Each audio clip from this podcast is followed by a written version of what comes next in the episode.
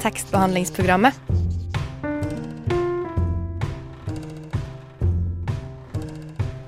Tekstbehandling på radio.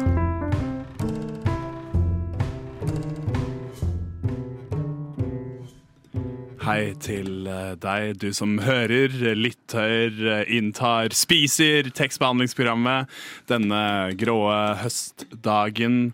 Finn teppet, tekoppen, tøflene og brødristeren frem, for i dag skal vi ha en virkelig fin og personlig sending full av eh, klassisk TBP, nærlesning. Men eh, før vi kommer til eh, temaet med oss i studio har vi Julia Bueso, Hallo, god morgen. Kristine Brusdal, Hei. hei hei, og Maria Skjerven, Hei, hei. ja, som også er på teknikk i dag. ja, hei på dere. Eh, Jeg håper at eh, dagene deres er like fine som smilene deres. Og dere har eh, stor grunn til å smile, for i dag skal vi jo prate om Beatles. Hva er deres forhold til Beatles? Altså, Unnskyld, men jeg har ventet så lenge på denne dagen. Det er eh, en veldig viktig sending å ha. Eh, Det er jo Ja. kanskje den beste coming of age-boken i norsk litteratur. Absolutt. I tillegg til at den er Saabye Christensens beste, uten tvil. Mm. Ja, jeg er absolutt helt enig. Jeg husker så godt å lese, at jeg leste denne boka når jeg var i de derre Ja, hva skal man si? Altså eh, formeringsårene, på en måte. Hvor man liksom er tenåring og Ja. Eh, det var liksom så relaterende å lese, husker jeg. Jeg husker jeg hadde så lyst til å bare være en del av gjengen, liksom. Og Ja. hadde nesten sånn lengsel etter å være i Oslo på, eh, på 60-tallet, liksom. Ja. Nei, det var virkelig en Ja. stor leseopplevelse i ungdomsårene. Hvor gamle var dere når dere leste den? Jeg tror jeg var 15 eller 16, tror jeg.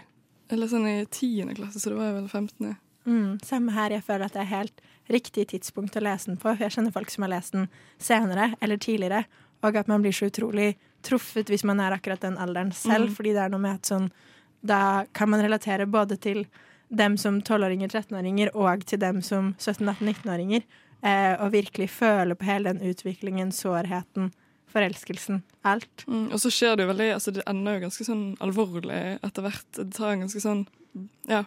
Eh, hva faen? Hva? Hva Vi skal jo prate om lyrikken til The Beatles. Hæ? Hæ? Hva mener du? Ikke boka, ikke boka til Lars Saabye Christensen. Dere er faen Er det mulig? Hæ? Hva faen? Maria, Men- kutt, Det jo tekstbehandlingsprogrammet. kutt introstikk, Maria! til Gå til sang! Gå til sang! Fuck yeah, bro. Jeg hører på tekstbehandlingsprogrammet. Radio nå. Ja, dere. I dag skal vi altså analysere lyrikken til The Beatles. Uh, vi, ja, vi skal gjennom eh, mange sanger og nærlese, nærlese fra flere av de mest kjære og kjente låtene. Og Julia, du har kanskje hatt bitte litt dårlig tid til å forberede deg på denne analysen din. eh, Men eh, du har kanskje noen tanker om eh, Obladi Oblada, eller? Hva faen handler den om, egentlig? Altså, jeg har hatt akkurat eh, tre minutter til å liksom fange essensen av obladi oblada, life goes on, bra. La, la, la, how their life goes on. Som jo er ganske komplekse linjer, da. Um, og det er ganske Altså, jeg vet ikke, jeg vet ikke, jeg vet ikke hva Paul McCartney tenkte da han skrev dette her. Men, men det som vi, det som vi på en måte får følge gjennom denne sangen, er jo Desmond og Molly. Eh, Desmond, det dere trenger å vite om han, er at han har en barrow in the marketplace, mens Molly is the singer in the band. Eh, og de har, de har en slags sånn kjærlighetshistorie. Eh, og uansett hva som skjer med dem i livet deres, så er- det eh, Det som skjer, er da at Molly synger 'Obladi oblada, life goes on'. Så når han frir, når de er på The Marketplace, på kvelden etter en lang dag, det er det hun synger. Med The Band, da. Høres ut som en forferdelig person. Jeg syns det. Jeg syns egentlig det er ganske flott. Eller sånn, det er det som holder henne gående. Og bladdi Veldig irriterende. Men, Og der hele dagen lang. Ja. men er det sånn derre A couple kids running in the yard? Og så er det sånn Life goes on. Altså, det høres jo hyggelig ut, spør du meg. Uh, with a couple of kids running in their yard of Desmond and Molly, and Molly Jones. Ha-ha-ha-ha. Men, men det kan hende at for noen så er det liksom hverdagens liksom tralt, da. Den samme tralten. Og hva er det som bryter opp den hverdagen og gir deg perspektiv på det hele? Det er the obladi, the oblada. Det er det enkle livet, ikke sant? Og de små gledene. Og det er Desmond og Molly som lever sammen i harmoni. Og bladi og blada. Nei, men vi kan kanskje konkludere med at den ikke handler om noe som helst. Hva sier du, Kristine? Hva handler Obladi Oblada om, egentlig? Nei, jeg vet ikke, jeg bare syns det er en eh, Jeg synes det er den verste Beatles Kanskje den verste sangen som Kanskje den verste sangen Nei, til nei, nei. Beatles? Ja, det er absolutt den verste sangen til The Beatles. Ja. Det synes jeg. Hva, men hadde, var det ikke noen land som er spesifikt veldig glad i Obladi Oblada, Julia? Jo, det er Australia og Sveits hadde den på sin number one uh, place in the charts når den her kom ut i faen 68, eller når det var. Ja. Um, men det er også BBC News hadde en uh, polling i 2004 over de verste Beatles-sangene, eller sangene generelt, jeg er litt usikker. Jo, The Worst Song Ever. Uh, og det var da Obladi Oblada. Støtter Jeg, den. jeg syns det er veldig gøy at britene eh, skal ha en poll, og så tar de en britisk sang. For liksom verste sang. så vi har jo bare våre sanger. Vi kan ikke ta noen andre Nei. sanger fra andre steder i verden. No, the lorry down there needs to be. We know that obladi oblada fucking trash it is. Yeah. Men uh, fra, fra en I sang en uforståelig sang til en annen. Ja, fra en uforståelig sang til en annen veldig mye bedre sang. Ja, Kristine? 'Happiness Is A Warm Gun' er jo i motsetning til Obladi Oblada kanskje den beste Beatles-sangen, syns jeg. Da. Men eh, ja, I hvert fall eh, i toppsjiktet. Men, eh, men eh, teksten er kanskje mer, enda mer utilgjengelig i denne sangen. Og jeg prøvde å liksom sette meg inn i teksten og forstå sånn, hva er det 'Happiness Is A Warm Gun' handler om. Eh, og man kan jo kanskje si at eh, altså tittelen i seg sjøl kan jo kanskje referere til noe sånn eh, en heroinsprøyte, eller For eksempel. ja, liksom at man eh, Men eh, så har jeg lest litt, da. Og så tenkte jeg jeg kan jo lese et, et lite utdrag for dere, så kan dere se hva dere tenker. Så det går sånn She's well acquainted with the touch of the velvet hand like a lizard on a window pane. Er dere med? Mm -hmm. The man in the crowd with the multicolored mirrors on his hobnail boots. Mhm. Lying with his eyes while his hands are busy working overtime. A soap impression of his wife, which he ate and donated to the National Trust. Altså, hva i, hva i alle dager? Jeg skjønner ingenting. Nei. Det jeg har liksom tenkt da, er at jeg tror faktisk at denne sangen ikke handler om noen ting. Altså, jeg tror ikke, jeg tror de bare har køddet. Jeg tror de bare har laget noen bilder de syns er gøye. Eh, og så har de sikkert tenkt sånn ha-ha, nå kommer folk til å lese masse inn i dette. Og, eh, Sånn som meg. Liksom. ja, ja, sånn som du som sier sånn Ja, men det handler om eh, Det handler om eh, Det handler jo om sex! ja, ja, jeg, tror, eh, jeg tror de bare har vært sånn ha-ha, liksom. Det er noen gøye Ja. bilder. At det er litt sånn art by accident. da. Eh. Men du kan jo Ja, hva Altså, nei, du? nei, men altså, jeg føler jo at det starter veldig stødig. Altså, She's not a girl who misses much. Du, du, du, du, du. Yeah. Det er jo litt sånn OK, girl. Og så er det sånn She's well acquainted with the touch of the velvet hand like a lizard on a window pane. Da får jeg liksom et veldig sånn sterkt bilde inn om at det er noe med den hånden til denne kvinnen her som er veldig sånn forførende for Ja. eh, Mr. Uh, Mr. Lennon. Jeg tenkte det motsatte. Jeg tenkte det var litt sånn ekkelt. At det var litt sånn reptilfinger. Litt sånn, uh. Ja, kanskje de Jeg ser bare den lizarden, dessverre. Jeg ser ikke The Velvet Touch. Den liksom, det blir for sterkt, det blir for forstyrrende. Ja. Lizard er et veldig sterkt ord. Det skiller seg veldig ut. Mm. Sikkert pga. setten. Jeg henger meg veldig opp i setter eh, i språket. Så jeg tenker også bare lizard, egentlig. Ja. Men så kommer det neste bildet, da, som liksom ikke helt Altså Det er litt vanskelig å koble de to. En, en mann som står i en folkemengde med eh, multicolored eh, ja, fl Altså flerfargede speil. på sine hobnail boots, som vi har googlet. Og hobnail boots er jo da sånne støvler med brodder under. Ja, men Så sammenhengen her, Arthur, har du Eller uh, Julie? Julian peker på meg her. Nei, det er jo åpenbart at disse hobnail bootsa er et uh, symbol på hvordan eh, Han eh, henger eh, fast i kjærligheten eh, med naglene til eh, bakken, ikke sant? Han, hold, han holdes tett eh, inntil, tenker jeg. Men, men vi, går, vi kan jo gå liksom litt til, eh, til refrenget òg, for der kommer det også veldig gode bilder. Men det er sånn, hva tenker du om refrenget, Kristine? Sånn When I hold you in my arms and feel my finger on your trigger. Ja, da Sånn. tenker jeg at han står med heroinsprøyten klar til å liksom skyte det. Det er liksom det, det bildet jeg har. Nei, Eh, ok. Men, eh, men nå er det bare min, eh, min litt sånn dystre lesning av det. I know nobody can do me no harm, sier, sier de etter det. Ja. Mm. Ja. Jeg føler jo at eh, Hvor føler dere trygg, dere tryggest? Liksom med heroinsprøyten klar, eller liksom Med- skutt, så Med Ja. pistolen føler jeg meg kanskje trygg. Ja.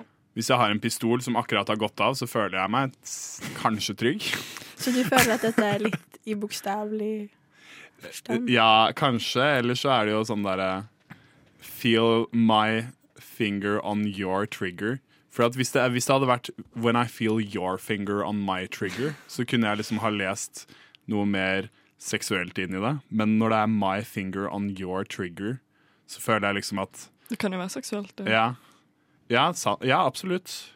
Det er I know nobody can do me no Men jeg føler at det er sånn Jeg tror det må være seksuelt fordi den første Ja. linjen er 'When I hold you in my arms'. mhm. Men det kan jo også ja. Og det er jo Ja. Med mindre han synger til en sprøyte. Det blir jo også kore oh, yeah. Og eh, mer av det der kommer du til å få høre nå. Eh, vi skal nemlig høre denne fantastiske sangen. Her kommer 'Happiness Is A Warm Gun' av The Beatles. Mot mishandling. For tekstbehandling. Tekstbehandlingsprogrammet. Uh, ja. Nå har vi jo hørt uh, noen sanger som er litt sånn vanskelig å tyde, kanskje. Men uh, nå skal vi over til eh, noe som er mer konkret, potensielt sett. Hva er The Beatles sin beste kjærlighetssang?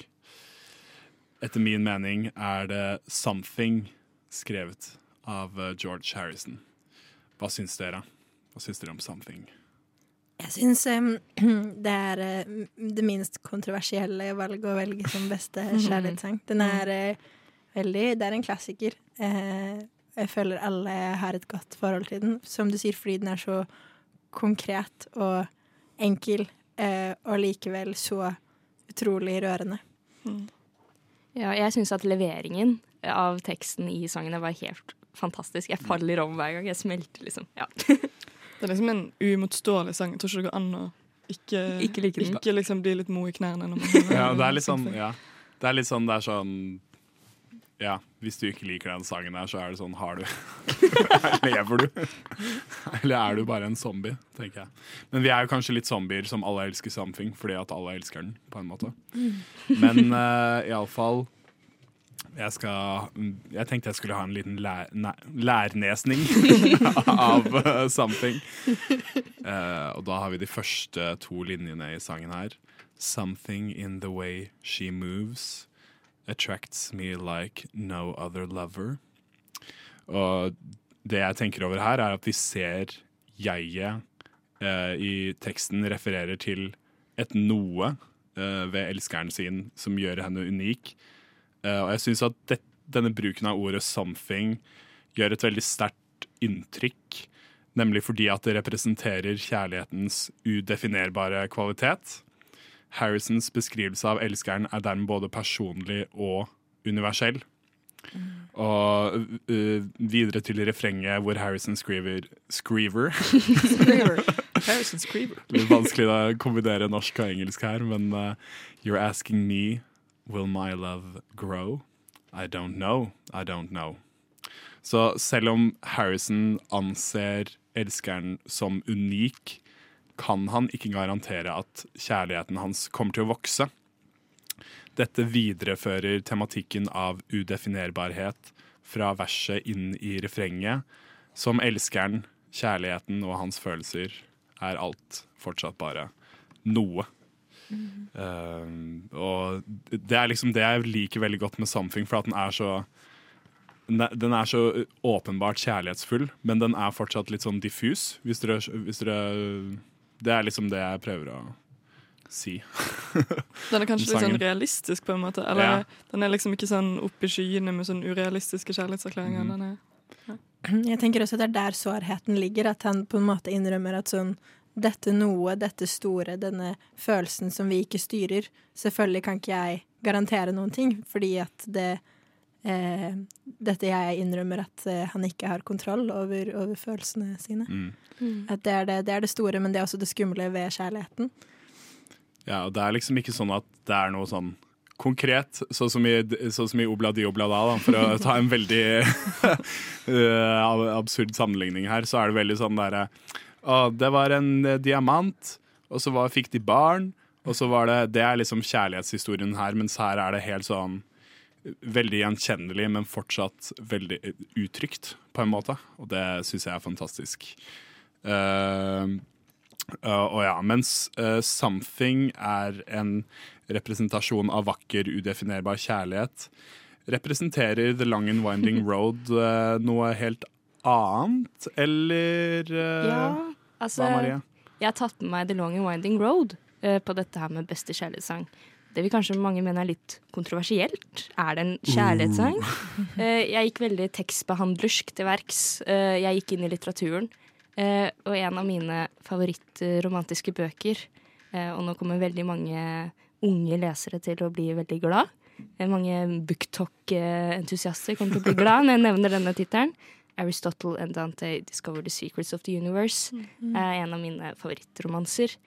Eh, og der nevnes The Long and Winding Road eh, som favorittsangen til Dante. Og jeg hadde aldri hørt om den før. Aldri hørt om sangen. Jeg søkte den opp med en gang og hørte på den, og jeg var helt enig i at dette er en av de beste Beatles-sangene. Men er det en romantisk sang? Altså, jeg har tatt med meg bridgen her. Eh, Jeg syns det er den vakreste delen av hele sangen. Skal jeg bare lese opp noen linjer her fra bridgen? Many times I've been alone, and many times I've cried. Anyway, you'll never know the many ways, ways I've tried. And still they lead me back to the long and winding road. Mm. Altså, er Jeg bare smelter helt av den teksten. Men hva tenker du, Julia? Er dette, er dette romantisk? Mm, det er i hvert fall definitivt eh, kjærlighet. Um, eller jeg føler at den er mer melankolsk og um, lengtende enn den er romantisk. Og akkurat den biten du leste opp nå, den uttrykker jo utrolig godt eh, alt man må bære alene, selv om man er to, eller selv om man er flere, om, å, om å føle på noe og dele noe. Og også kanskje fordi ting, ting tar slutt. Det er den følelsen og sårheten som denne sangen gir meg, da, i hvert fall. Ja, den er jo Altså Det som er så på en måte romantisk med den, er jo det at uansett, selv om det er tøft, og selv om man har disse kranglene i et forhold, enten det er et vennskapsforhold eller et kjærlighetsforhold, så kommer man alltid tilbake til Mm. den man elsker. Så det er noe sånn eh, betingelsesløst kanskje over det. Og så føler jeg at det, det er litt mer sånn hvor 'Something' kanskje er en sånn kjærlighetssang mellom to, så det er en litt sånn ensom kjærlighetssang.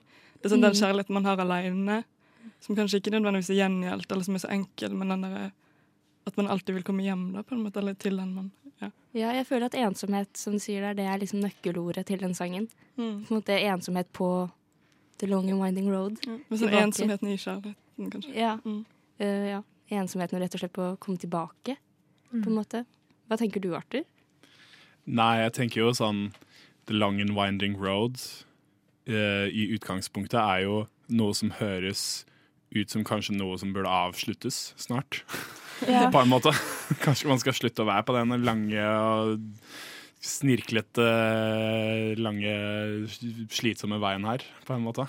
Ja, du tenker at man må legge det bak seg? Jeg, jeg tenker kanskje at det handler om å liksom Oi, nå har jeg vært Ja, sånn som du sa, at man er betingelsesløst eh, emosjonelt tilknytta til eh, liksom noe. Og så er det sånn Oh shit, nå har jeg vært på den veien her dritlenge. Kanskje det er på tide å liksom gå til en annen vei. på en måte. Eller liksom, eh, eller ja, liksom, liksom innse at ting er over på en måte. Og det, jeg, det har jo blitt eh, spekulert litt om den sangen her på en måte ble skrevet uh, på grunn av at Beatles drev og uh, brøt opp som band. Så, Ja. mm. Du sier noe der. Vi skal ikke legge denne sangen bak oss. Vi skal spille den av nå for dere lyttere. Dette er The Long and Winding Road av The Beatles. Mamma, pappa, jeg må fortelle dere noe. Jeg hører på tekstbehandlingsprogrammet. Radionova er best. Alle andre er tapere. Radio Nova.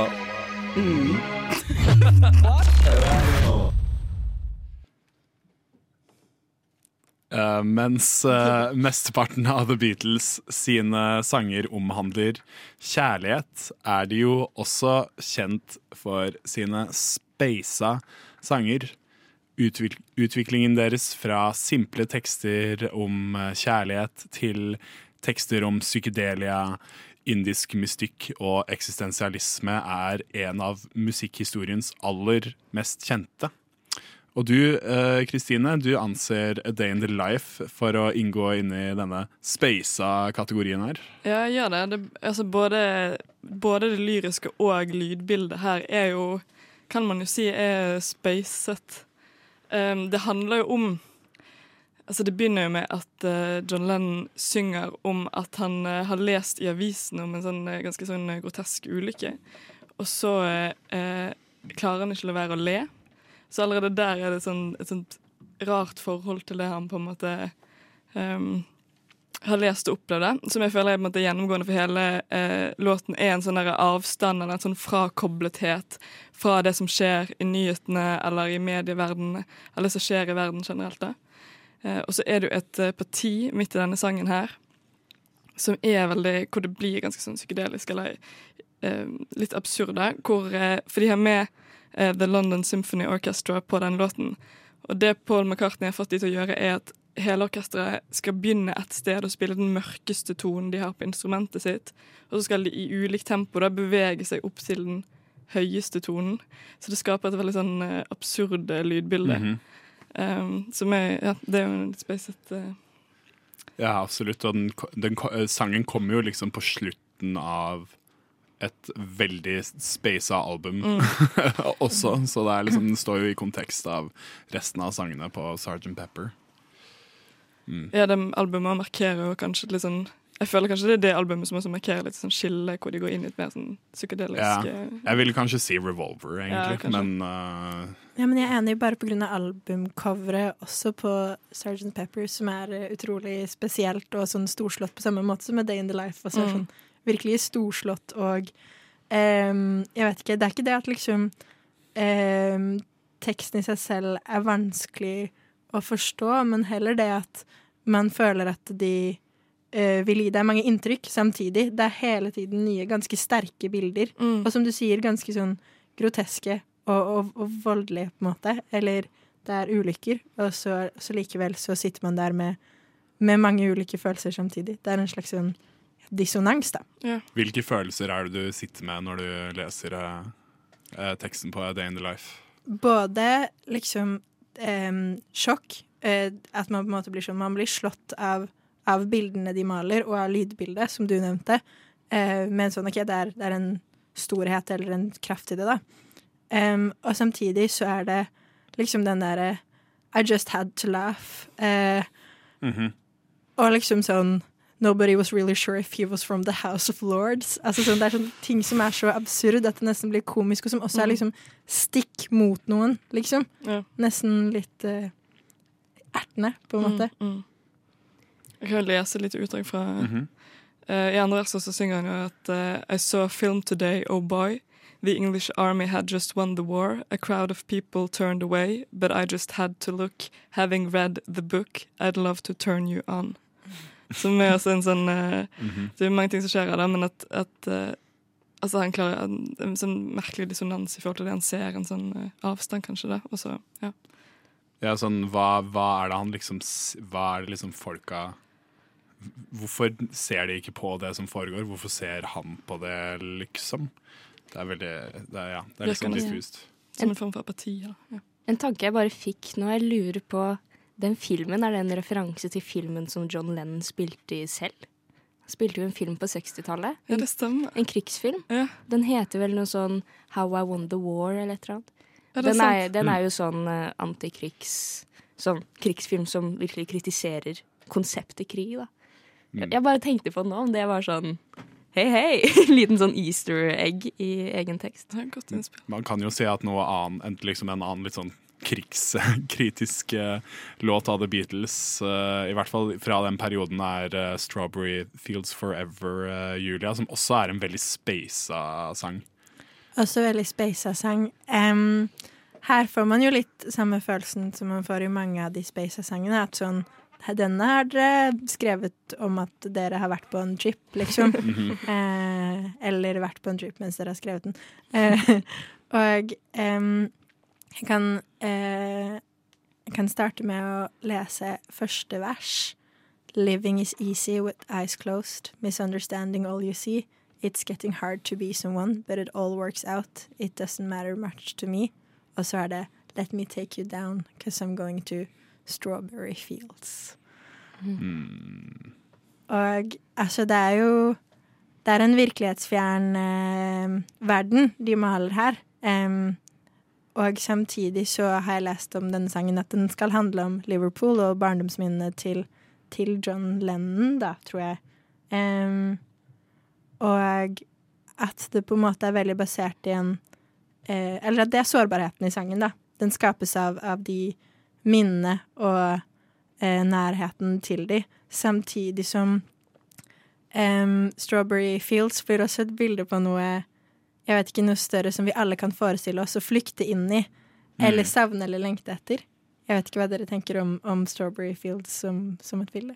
Ja, Skal det på en måte være barndommen? på en måte? Mm, Ja. Jeg tror det. Det å flykte tilbake. Lengte tilbake, rett og slett, til Mm. living with your eyes closed. Man Mm. gjør kanskje det Mm. Som barn. Det, er- ja, det er 'living is easy with eyes closed', misunderstand, 'misunderstanding all you see'. Så kanskje han snakker om at han liksom har fått en annen, et annet perspektiv òg, kanskje, på barndommen sin. Mm. At, han, er- at det liksom er en sånn så som man sier da, misunderstanding, at det egentlig ikke var så idyllisk som det han følte at det kanskje var. Eller at det liksom nostalgien hans på en måte har blitt litt ødelagt. At han liksom prøver å bygge opp igjen nostalgien ved barndommen ved å liksom flykte inn i the strawberry fields. Etter nesten en sånn lengsel tilbake til en mer Ja. sånn naiv og blind tid, Mm. hvor man på en måte kanskje ikke så verdens uh, ondskap. Eller, Mm. ja. Absolutt. Jeg tenker, jeg tenker også det. Jeg tenker at på mange måter er denne sangen også Den er speisa, men den er enkel. Den er, den er et uttrykk for det der Det er det naive um, som, som kun kan forholde seg til det vakre, hvis de vil. Den er jo veldig jordnær, Mm. på en måte, selv om den er uh, litt sånn out there. Mm. Vi skal høre den. Um, nå skal dere få høre 'Strawberry Fields Forever' av The Beatles. Hvis du går hjem med noen og de ikke har bøker, ikke knull dem. Hilsen tekstbehandlingsprogrammer.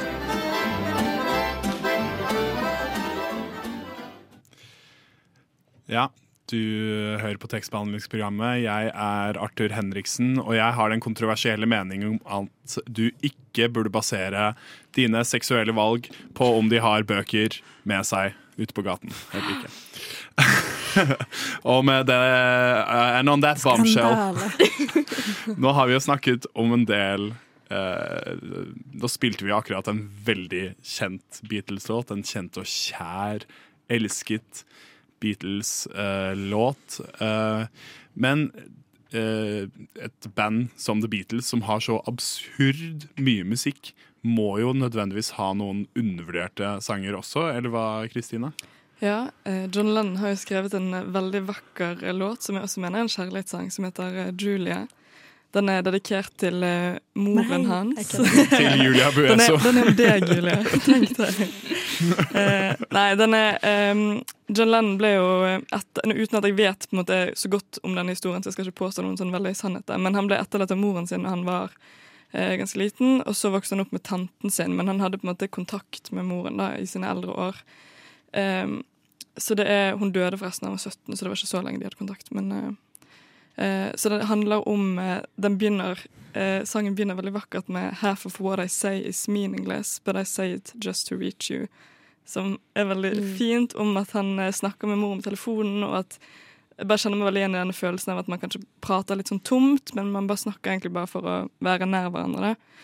Um, og at selv om på en måte han har Han har også skrevet en sang som heter 'Mother', som er en litt mer trist sang om at han føler seg sviktet av moren, men men det er også en veldig sånn fin tekst om, om en slags tilgivende tekster til moren og en kjærlighetserklæring til henne, som er veldig vakker. Og veldig fint eh, og sårt gitarspill. Eh, og en veldig vakker sang, rett og slett. Så den mener jeg er undervurdert. Ja, det er en veldig pen, er en veldig pen sang.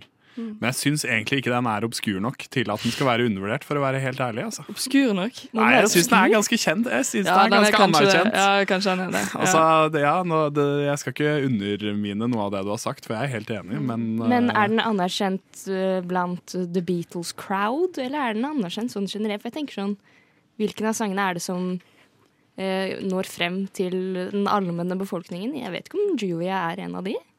Er den det? Ja Jeg Er føler det ikke det? kanskje også at den er det. Mye fordi sånn Den er på en måte ja, Som Arthur sier, den er ikke obskur nok. Den er på en måte veldig sånn poetisk. Veldig mange vakre bilder. Mye eh, havmetaforer, Mm. på en måte, som er eh, veldig på en måte, hva skal jeg si eh, Lett å like. Mm, ja, den er veldig likende sang. Jeg føler jo liksom basically at den er sånn The White Album sin Yesterday, på en måte. Eller Ja. noe. Ja, ok, ja, men så var det et dårlig valg. Men den er veldig fin. Jeg, Den er jeg hadde bare lyst til å prate om Julie. Ja. Eh, Ja, ja. Men, uh, men jeg, derimot, har valgt en ekte obskur sang som ingen har hørt, nesten. Og det er uh, Bare deg. Edgy. det er uh, I'm Only Sleeping fra Revolver. Og det er litt sånn, egentlig når jeg velger en sang fra Revolver, så kan jeg egentlig ikke si at den er undervurdert, på en måte, siden det er liksom album som bare er sånn alle elsker det hele det albumet her. Det albumet her er sånn considered to be top 100 of all time. Liksom. Så det er litt vanskelig å si at den er undervurdert. Men jeg, jeg vet ikke, den er litt sånn oversett, kanskje. Ja. Og jeg vet ikke om dere har noe forhold til den sangen, liksom. Nei, den er ikke en sang som jeg biter meg spesielt merke i, så du har nok rett der. Ja. Jeg vet ikke, jeg liker bare følelsen den skaper, og det er så utrolig sånn derre jeg, jeg, jeg føler bare John Lennon har vært sånn Ja, nå skal jeg bare skrive en sang om å, være, om å ikke ha lyst til å stå opp om morgenen. Så, så enkelt er det, og det føler jeg eh, alle kan relatere seg til av og til. Det er sånn, sier sånn When I wake up early in the morning, lift my head, I'm still yawning. Word. Word, ass. Relaterende. med i morges. ja. Meg i dag. Åh, faen, skal jeg på sending? Nei. Helvete. Nei. Hva, hva med deg da, Julia? Julia. Ja, Ja. Overvurderte Julia. Trist. Mm. Jeg em, Da jeg sa dette på vårt eh, planleggingsmøte, så fikk jeg høre at uh, For jeg ville ta meg Golden Slumbers, og den er tydeligvis ikke undervurdert nok. Ikke faen! Og så ville jeg ta meg Carry That Weight, og den er heller ikke undervurdert nok. Så da har jeg valgt å ta med meg The End, fordi for den, um, den som har hørt Abbey Road, har jo også hørt disse tre sangene rett etter hverandre, og de danner på en måte én stor komposisjon, og de hører på mange måter veldig sammen. Og The End er den korteste av den, som på en måte avslutter eh, og lager en mer sånn lystig stemning før vi får høre Her Majesty, som er den siste sangen på Abbey Road-albumet. She's a pretty nice girl. But she doesn't have a lot to say. Boom, boom, boom, boom. Som er også en klassiker og en undervurdert sang. Men The End er på en måte sånn eh, Den er jo akkurat det den skal være. En veldig god avslutning på de to foregående sangene. Uh, I tillegg til at den er veldig håpefull. Jeg kan lese, lese de tre eh, viktige linjene i den sangen, og det er And in the end, the love you take is equal to the love you make. Åh, Jeg syns det er flott. den var veldig fin. Åh, jeg elsker at vi er i det veldig sentimentale hjørnet i denne Beatles-sendinga. At vi liksom tar for oss åh, de varme og de litt triste og de litt melankolske tekstene. Mm. Eh, en sang som jeg har tenkt på når det gjelder dette her, er jo I'll Follow the Sun. Eh, for den bare er jeg veldig glad i. Jeg syns det er litt sånn en massasje for ørene å på en måte høre på den sangen. Jeg syns både hvordan teksten blir levert og hele musikalske ved det, det er liksom så behagelig. Ja, og det, det, jeg føler jo at den det er, det er en veldig sånn Er den undervurdert nok? den er, Ja, akkurat. Syns du det? Yes! Det, er ville jeg sagt. Yes. Nei, nå skal jeg bare hevne meg. Jo, jo, jo, få si det, da. Få høre- Nei, nei, men Få høre, hæ? Nei, det, den er kjempeundervurdert. Ja. Bra valg. Altså, Tusen takk, helt mye. men sånn, ja. Hvis du velger en uh, sang som er liksom Fra hvilket album er den? Er det With The Beatles, eller hva, hva er det Uh, det er den hvor de står i Beatles for Sale. Ja, Beatles for Sale. Det er sånn oh. Ja, tror du den Hva handler, hva handler uh, Alfal the Zen om? Nei, altså, den er veldig gjentagende. Så mye av de samme linjene går igjen. Eh, og to av de er jo For tomorrow may rain, so I'll follow the sun. Og for å sammenligne med en annen uh, The Sun-tekst fra The Beatles Ikke nevn den sangen. Så syns jeg at den her er veldig fin. For liksom På en måte det at For meg, da, så handler det om det når det kommer eksempel nå, da. Høst. Når det kommer de litt mørkere tidene. Og på en måte følge de heller lyse sidene, på en måte. Høstdepresjon er jo et uh, veldig vanlig problem i dette landet her når vi nærmer oss uh, disse tidene. Og på en måte det å I'll follow the sun. Jeg vet ikke, jeg syns det er veldig fint. Så elsker jeg hvordan han leverer akkurat uh, de ordene i sangen. Og derfor passer det veldig bra at vi nå skal få høre på akkurat denne leveringen. Her får dere I'll follow the sun av The Beatles. Du lytter til Radio Nova. You have bewitched me, body and soul, and I love, I love, I love. Tekstbehandlingsprogrammet på Radio Nova. Ja, eh, nå har vi eh, altså snakket oss og nærlest og mimret og grått og smilt over The Beatles i snart en eh, time her. Eh, eh, og jeg tenkte jeg skulle ha en sånn liten sånn derre Beatles-blitz. Beatles-blitz. Julia! Favorittalbum, favorittsang, favoritt-Beatle. Eh, Abbey Road, uh, In My Life, uh, eh, eh, George Harrison. Ja, og, eh, eh, Maria. Hæ? Hva da? Hva, Hva sa du? Favorittalbum, favorittsang, favoritt-Beatle. Uh, uh, uh, Let It Be-album. Eh, sang In My Life. Eh, eh, Beatle. eh, George Harrison. Ja. Ja, vi har visst litt eh, god tid, så skal. Mitt favorittalbum er det hvite dobbeltalbumet Sa det på norsk. Uh, John Lennon og ah, ehm, igjen. Jeg tror det er uh, The Long and Winding Road. Oh. Kom igjen, kom igjen. Eh, Abbey Road. ja. Kom igjen, da. Uh, John Lennon. Og um, Song. 'Happiness Is A Warm Gun'. Det må være min, min Beatles-blitz. Men eh, ja, eh, altså Det er veldig vanskelig å velge, ikke sant? Man, det er jo alltid noen ting man gjerne har lyst til å prate om, som eh, blir left out. Så Julia, du, er det noen du har lyst til å noe du har lyst til å shout out her? Jeg har lyst til å shout-oute til Across the Universe fordi den er så fin! Den er Ja, kjempefin. den er kjempefin. Og også Hey Jude hørte jeg veldig mye på som liten. Mm. Um, jeg syns det er veldig hyggelig å tenke på at John Lennon har skrevet den til sønnen sin. Um, og at det er hele den derre Oi, man syns det er skummelt å være forelska for første gang. Men er, det er kjempefint. Um, men generelt, um, jeg føler jo også at det å i det hele tatt velge seg en favorittsang, favoritt-Beatle, favorittalbum er skikkelig vanskelig. Du står i opposisjon til uh, unyansert tenkning om Beatles. Ja. De har en så svær katalog, og de går gjennom så mange faser. Og så er det ulike album som passer for ulike behov.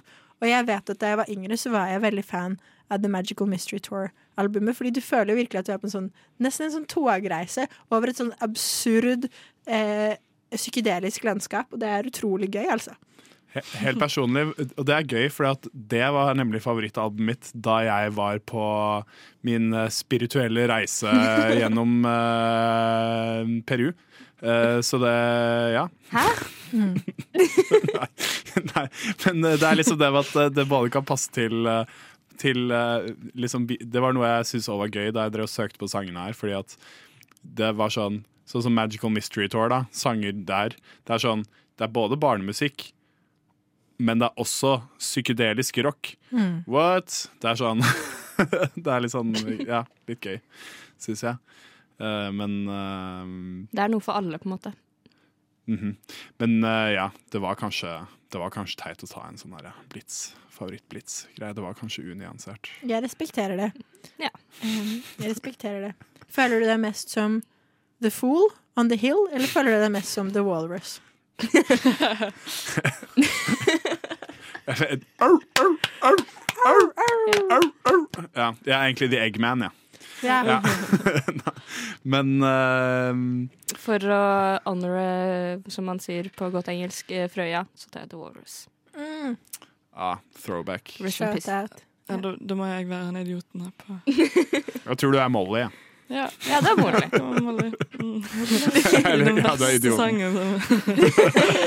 Og Julia, du er jo Julia. Takk, eh, tror jeg. Du, du, er, pi- du er pigeonholed, rett og slett. Ellers er jeg The Yellow Submarine. Så er dere alle Let's get on a ride! Jeg har en veldig stor ullgenser, så Men- det er plass til mange inni den. Ok. vi dykke i Hvor er det vi kan Jeg blunker høre i studio. på Dette må vi ha. tekstbehandlingsprogrammet? Hvor man kan høre på tekstbehandlingsprogrammet, Arthur. Er det det du lurte på? Ja, nå har Julie altså dratt uh, ullgenseren sin uh, åpen her, og den står med den som en stor kjole, så nå må vi avslutte. Du kan høre på tekstbehandlingsprogrammet hver onsdag fra 10 til 11 her på Radio Nova. I studio var eh, Kristine Brusdal, Julia Beeso, Maria Skjerven og meg, Arthur Henriksen.